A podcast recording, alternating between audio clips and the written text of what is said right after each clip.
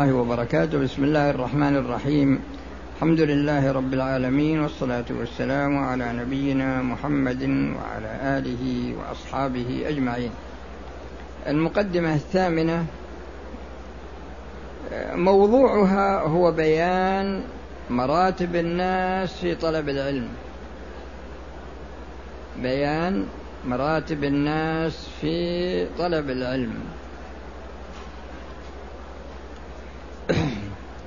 وذكره أن الناس في طلب العلم على ثلاث مراتب. على ثلاث مراتب.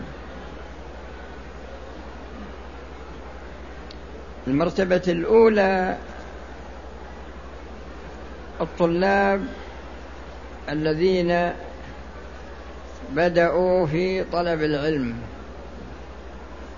مثل الأشخاص الذين يكرسون جهودهم في حفظ المتون خالية عن الأدلة.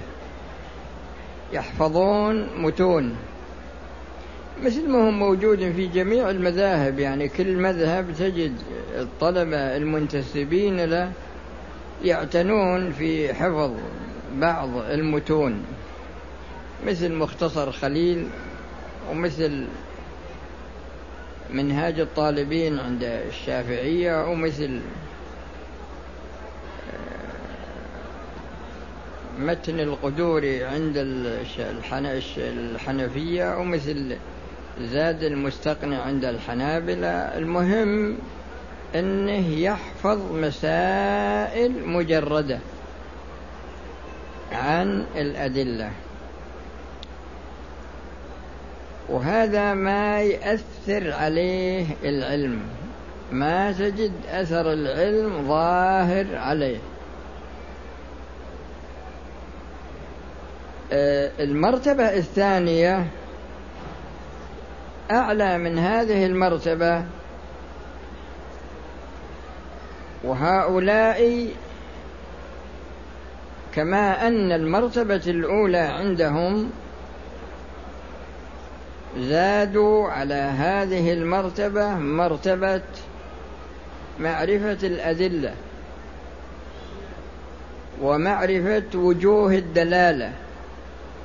معرفة الأدلة ومعرفة وجوه الدلالة ومعرفة العلاقة بين هذه الأدلة ومعرفة الموازنة بين هذه الأدلة وبيان الراجح من المرجوح. لكن عملهم هذا تجدون أن أكثره نظري. لأن فيه علم نظري لكن فيه علم مع النظر عملي بمعنى أنه يؤثر على قلب صاحبه يعني تظهر آثار العلم على الشخص. تظهر آثار العلم على الشخص من الناحية العملية. لكن هذا ما هو موجود في هالطبقة هؤلاء طبقة يعني يستطيعون أن يصلوا إلى حكم المسألة عن طريق الأدلة. يعني الصناعة في الأدلة متوفرة عندهم. لكن الطبقة الثالثة عندهم صفة أصحاب الطبقة الأولى وعندهم صفة أصحاب الطبقة الثانية لكنهم زادوا عليهم من ناحية أن عملهم يعني من ناحية تأثير العلم عليهم وهذا التأثير هو تأثير تطبيقي من جهة وإن كان الطبقة الثانية يشتركون معهم. ولكن التأثير المهم هو خشية الله جل وعلا. ولهذا جاء في الحديث كم من قارئ للقرآن والقرآن يلعنه. تجد إنه يقرأ لك القرآن من أوله إلى آخره ما يغلط. لكنه ما يطبق ولا آية منه. فالتطبيق العملي للعلم هذا من أهم الأمور. هذه هي طبقات الناس في طلب العلم. وترجعون إلى ما ذكره لكن هذا هو لب الموضوع. آه، المرتبة التي بعد هذه وهي المرتبة التاسعة. هذه في بيان أقسام العلم هذا في بيان أقسام الناس في طلب العلم وهذا في بيان أقسام العلم. وذكر هنا أنه أن العلم هنا ثلاثة أقسام.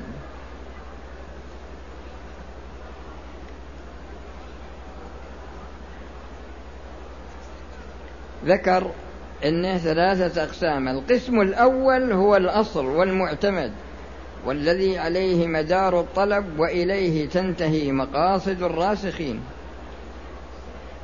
وذلك ما كان قطعيا أو راجعا إلى أصل قطعي. وذلك ما كان قطعيا أو راجعا إلى أصل قطعي. هو مقصوده من هذا أن يبين أن الشريعة الشريعة ما في إشكال أنها قطعية لكن هو ذكر لهذا القسم ذكر له ثلاث صفات ذكر لهذا القسم ثلاث صفات. الصفة الأولى الصفة الأولى العموم والاضطراد. ومعنى العموم عموم الأزمنة وعموم الأمكنة وعموم الأحوال وعموم الأشخاص. فإذا نظرنا إلى أحكام الشريعة وجدنا أنها ما تفرق يعني ما هي في زمن مؤقت وتلغى ولا ملغاة في عن مكان دون مكان وإلا مخرجة لشخص دون شخص يعني فلان حسيب ولا نسيب وهذا ينبغي أن يبعد عن يعني ما له نصيب في الشريعة. فهي لا تفرق بين الأزمنة ولا بين الأمكنة ولا بين الأحوال ولا بين الأشخاص. هذا هو معنى العموم والاضطراد. يعني ما تتخلف. فإذا نظرنا إلى الشريعة وجدنا أنها هكذا. منذ أن نزل القرآن إلى أن تقوم الساعة أحكام الصلاة هي هي. أحكام الطهارة أحكام الصيام أحكام الزكاة أحكام. إذا وجد من يوجه إليه الحكم توجه. بصرف النظر عن مكانه وعن زمانه وعن نسبه وعن ما في فرق أبد. ولهذا تجدون أن الرسول صلى الله عليه وسلم في سلمان الفارسي يقول سلمان منا أهل البيت. ويقول في بلال بلال سيد الحبشة. فالدين ما يفرق بين شخص وشخص بين قبيلة وقبيلة. بين حاكم ومحكوم. الناس في شريعة الله على سبيل السواء. هذا معنى العموم ومعنى الاضطراد. هذه هي الصفة الأولى. الصفة الثانية الثبات بمعنى أنه يكون ثابتا. ثابت يعني أصوله ثابتة. مثل عندك قاعدة الأمور بمقاصدها.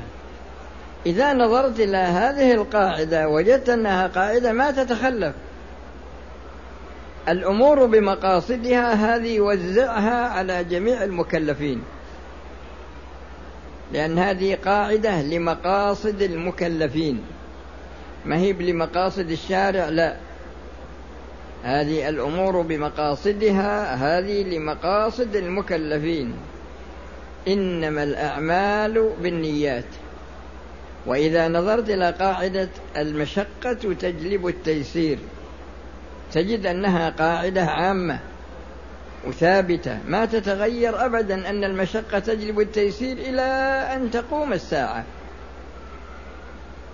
وإذا نظرت إلى قاعدة اليقين لا يزول بالشك. وجدت أن هذه قاعدة متقررة وثابتة إلى أن تقوم الساعة. يعني مهم ممكن إنها تصير. اليقين لا يزول بالشك في القرن الخامس عشر. هم من ينتهي لا. أو مثلا في العشر الأواخر في عشر سنوات منه أو ما إلى ذلك. أو إنه يستثنى منها. يعني هي ثابتة ما تتغير أبدا. ومسألة الرخص هذه هذه لها شأن آخر لأن الرخص جاءت من الشارع نفسه. ومثل قاعدة لا ضرر ولا ضرار.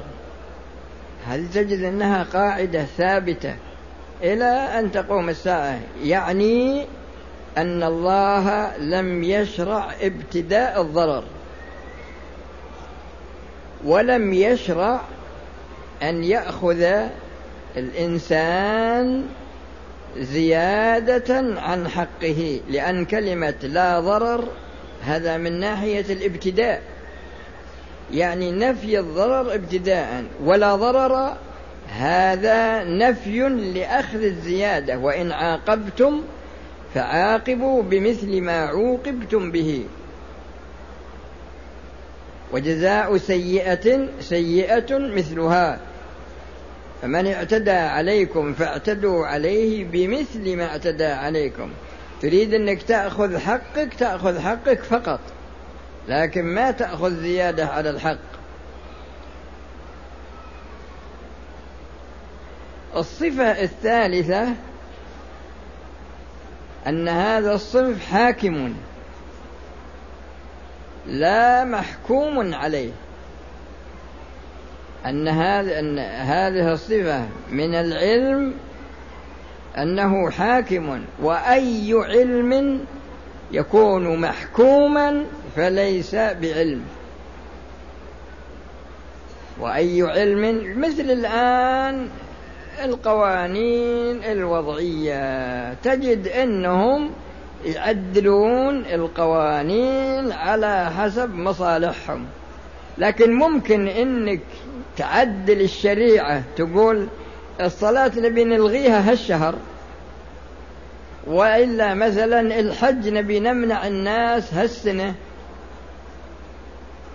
فتجد أن الشريعة حاكمة بخلاف القوانين الوضعية فهي في حقيقتها محكومة بالنظر إلى أن الذين وضعوها هم الذين يغيرونها يغيرونها كما ويغيرونها كيفا ويغيرونها زمانا ويغيرونها مكانا على حسب ما يريدون تحقيقه من المصالح. يعني إذا كانوا يريدون تحقيق مصلحة تتعارض مع القانون. عدلوا القانون على أساس أنه يكون حجة للعمل الذي يريدون أن يعملوه لكن القرآن لا. فالقرآن حاكم. يعني القرآن متبوع وليس بتابع. بخلاف القوانين فإنها تابعة وليست وإن كانت هي متبوعة بالقوة لكنها في واقع أمرها لكنها في واقع أمرها تابعة. لماذا؟ لأنها خاضعة لتغيير البشر يعني لتغيير يعني يغيرون القوانين على حسب ما يريدون. فهذه صفات ثلاث. الصفة الأولى العموم والاضطراد والصفة الثانية الثبات والصفة الثالثة كونها حاك كون هذا العلم حاكم وليس بمحكوم عليه. هذا هو القسم الأول. القسم الثاني هذا يسمونه هو العلم. القسم الثاني وهو المعدود في ملح العلم لا في صلبه. يعني ما هم من صلب العلم تخلفت فيه خاصية من الخواص الثلاث. الصفات الثلاث فرضنا أنها تخلفت كلها أو تخلف اثنتان منها أو تخلف واحدة. فإذا حصل إذا إذا تخلفت كلها هذا يكون هو القسم الثالث. لكن إذا تخلف واحدة من الثلاث تخلف اثنتان مثلا من الثلاث هذا يسمى من ملح العلم. وذكر له أمثلة كثيرة جدا بإمكانكم أنكم ترجعون إلى هذه الأمثلة. لكن ذكر منها ذكر منها اشتغال الشخص باستنباط الحكم مما كان الأصل فيه التعبد. يعني يشتغل في في في استخراج الحكم من ناحية الصلاة. لماذا كانت خمسا؟ ولماذا كانت الظهر أربع والعصر أربع والمغرب ثلاث والفجر اثنتان؟ يعني يشتغل فيها لكنها هي توقيفية. فيشتغل فيها وشغله هذا ليست له نتيجة.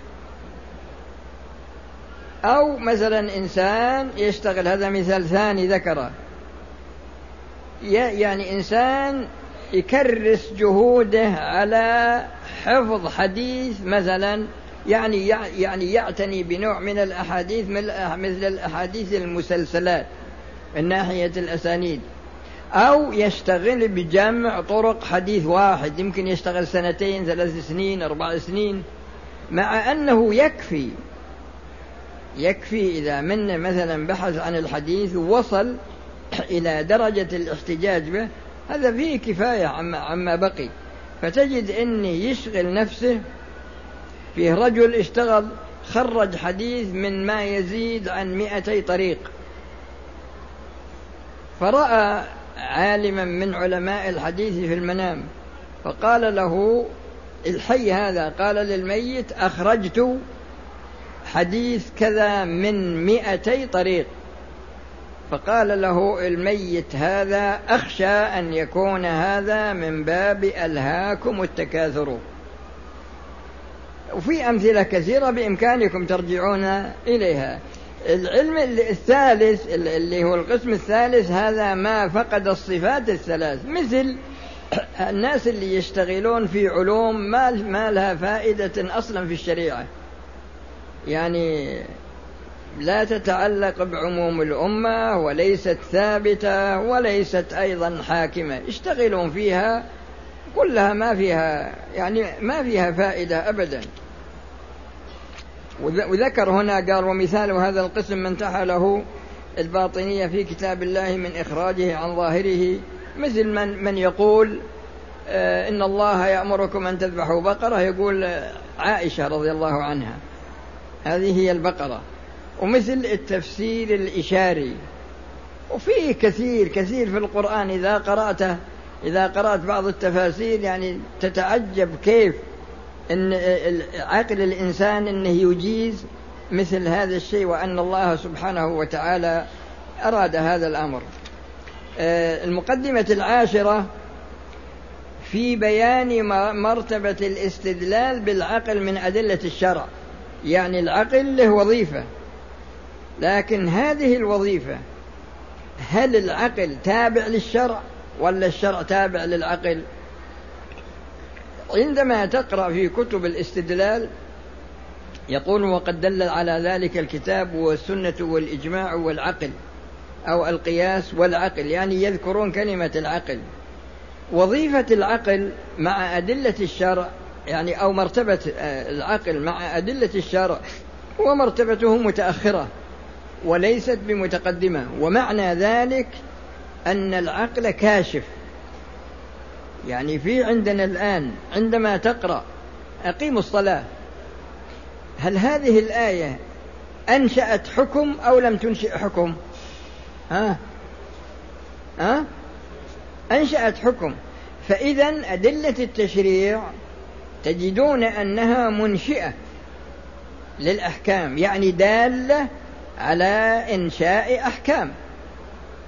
لكن العقل ما يدل على إنشاء حكم وإنما وظيفته إن وظيفة العقل أنه يعني مثل ما تقول مستنبط يعني كاشف كاي يعني وسيلة يستعان بها على فهم العلل وفهم الحكم يعني فهم المصالح والمفاسد وما إلى ذلك. لكنه لا ينشئ حكما. وهذا بخلاف مذهب المعتزلة الذين يقولون إن العقل إن مرتبة العقل مقدمة على مرتبة الشرع. فما أقره العقل أقررناه من الشرع وما أنكره العقل أنكرناه من الشرع. ومثل الآن في ظاهرة الآن بعض الناس الله يصلحهم يعني عندهم فكرة تجديد النظر في الأدلة وتجديد فهم الأدلة. في بعض الأدلة يقولون الدليل هذا ما يصلح لهالعصر هذا. مثل الآن حد الزنا يقولون هذا اعتداء على حقوق الإنسان. ومثل قطع يد السارق هذا اعتداء على مع أنهم يقتلون في بني آدم الليل والنهار. وفعلهم هم هذا ما هو باعتداء على حقوق الإنسان لكن تطبيق الحكم الشرعي على الناس هذا يقولون إنه ينافي حرية الإنسان. ففرق بين شخص يضع قوانين ويتعدى على بني آدم في أموالهم وأعراضهم ونفوسهم ويصير عمله هذا يصير عمله عدل. وعندما يعني عادل في حقوق الإنسان وعندما تبي تطبق الحكم الشرعي على الناس تبي تقتل القاتل وتبي تجلد الزاني وتبي تقطع يد السارق يعني تبي تعاقب المجرم. يقولون لا هذا ينافي حقوق الإنسان الإنسان له حرمة له مكانة له كذا له كذا.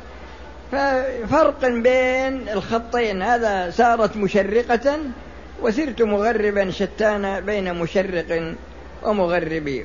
والله تعالى يقول ومن أحسن من الله حكما لقوم يوقنون. المقصود أن المهم في في هالمسألة هذه هو أن مرتبة العقل مرتبة تابعة لأدلة الشرع. فما أقرته أدلة التشريع فالعقل تابع لها. وما نفته أدلة التشريع فليس للعقل دخل في إثبات شيء أو نفيه. إنما هو تابع وكاشف كما ذكرت لكم. الفقرة التي بعدها التي هي المقدمة الحادية عشر في بيان مدارك العلم الشرعي. وكلمة مدارك هي عبارة عن المعاني التي تؤخذ من الأدلة والمدارك هي تؤخذ من أدلة التشريع. كتاب سنة إجماع قياس إلى آخره.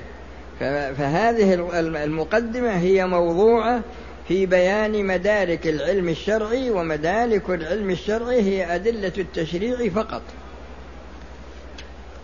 والمقدمة الثانية عشر في بيان طرق أخذ العلم. الشخص عندما ينظر إلى نفسه يجد أن هناك أمور يعلمها بطبيعته مثل الأشياء اللي يدركها بالسمع يدركها مثلا بالبصر يدركها مثلا بالعقل. مثل ما تقول الواحد نصف الاثنين تجد إنه يقول لك هذا صحيح يعني تلقائيا. ففي أمور يعني معقولة وفي أمور محسوسة. هذه ما فيها إشكال.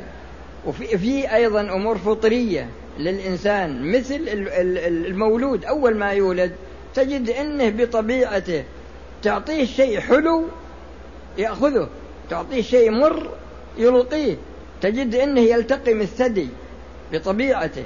كذا يعني هذه أمور تجدون إنها فطرية. لكن العلم الذي يراد هنا هو العلم الشرعي. العلم الشرعي والعلم الشرعي يمكن أخذه من طريقين أساسيين. الطريق الأول هو طريق أخذه عن أهله. ومعنى أخذه عن أهله أن كل شخص تريد أن تأخذ منه علما. انظر إلى مدى إدراكه في هذا العلم. يعني تريد تبي تأخذ الحديث. ممكن إنك تروح تأخذ الحديث عن عالم في اللغة. ممكن هذا؟ أه؟ لا. العكس تريد أن تأخذ علم اللغة من متخصص في علم الحديث؟ لا. هذا هذا العلم الذي تريده ابحث عن صاحبه وابحث عن شخص متمكن لأن فيه الآن بعض الناس يصير عنده شجاعة. ويصير عنده وضع لنفسه فوق مستواها. ولا يكون من أهل هذه المنزلة. فانظر إلى الشخص هذا الذي تريد. تبي تأخذ الحديث؟ انظر إلى متخصص في الحديث وبإمكانك أنك تعمل معه تجربة. مرتين ثلاث أربع خمس عشر. حتى ترى يعني هل يمكن أنك تستفيد منه أو ما يمكن؟ لأن في علم الحديث من ناحية الرجال علم الحديث من ناحية الأسانيد علم الحديث من ناحية المتون هذا من ناحية الرواية.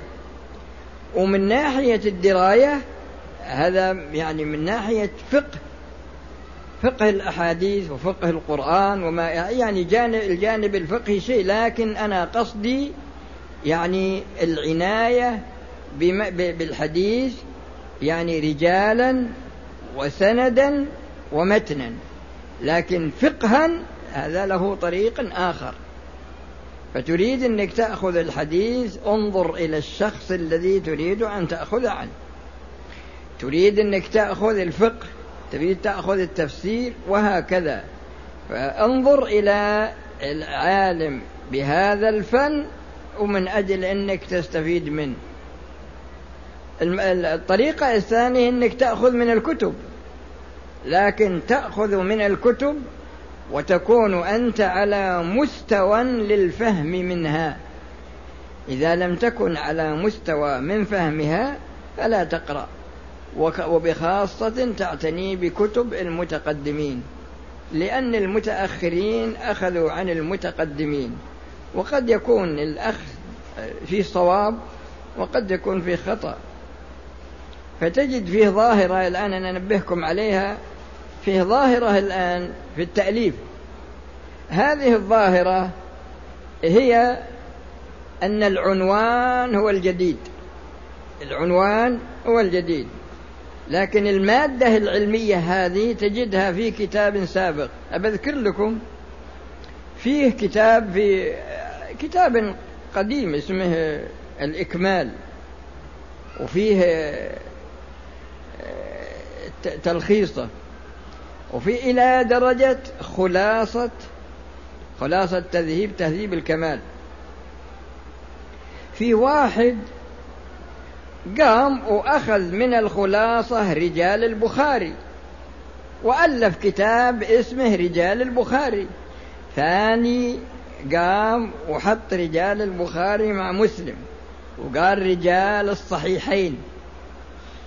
ثالث قام وأخذ البخاري ومسلم وأبو داود والترمذي والنسائي وابن ماجه وقال رجال الكتب الستة. هالكتب الثلاثة كلها موجودة في الخلاصة؟ كلها موجودة في الخلاصة والخلاصة مطبوعة ومتيسرة وتباع في الأسواق. لكن هؤلاء عندهم فن تجاري فن تجاري في التأليف. لأنك إذا قلت رجال البخاري قلت والله هذا كتاب ممتاز. أنا يعني على طول أجد الشخص إن هذا من رجال البخاري وقال لك رجال الصحيحين تقول والله طيب هذا. وماشي. فيه واحد يتكلم مع صديق له قال له والله أنا ودي أنا ما أنا في بيت مستأجر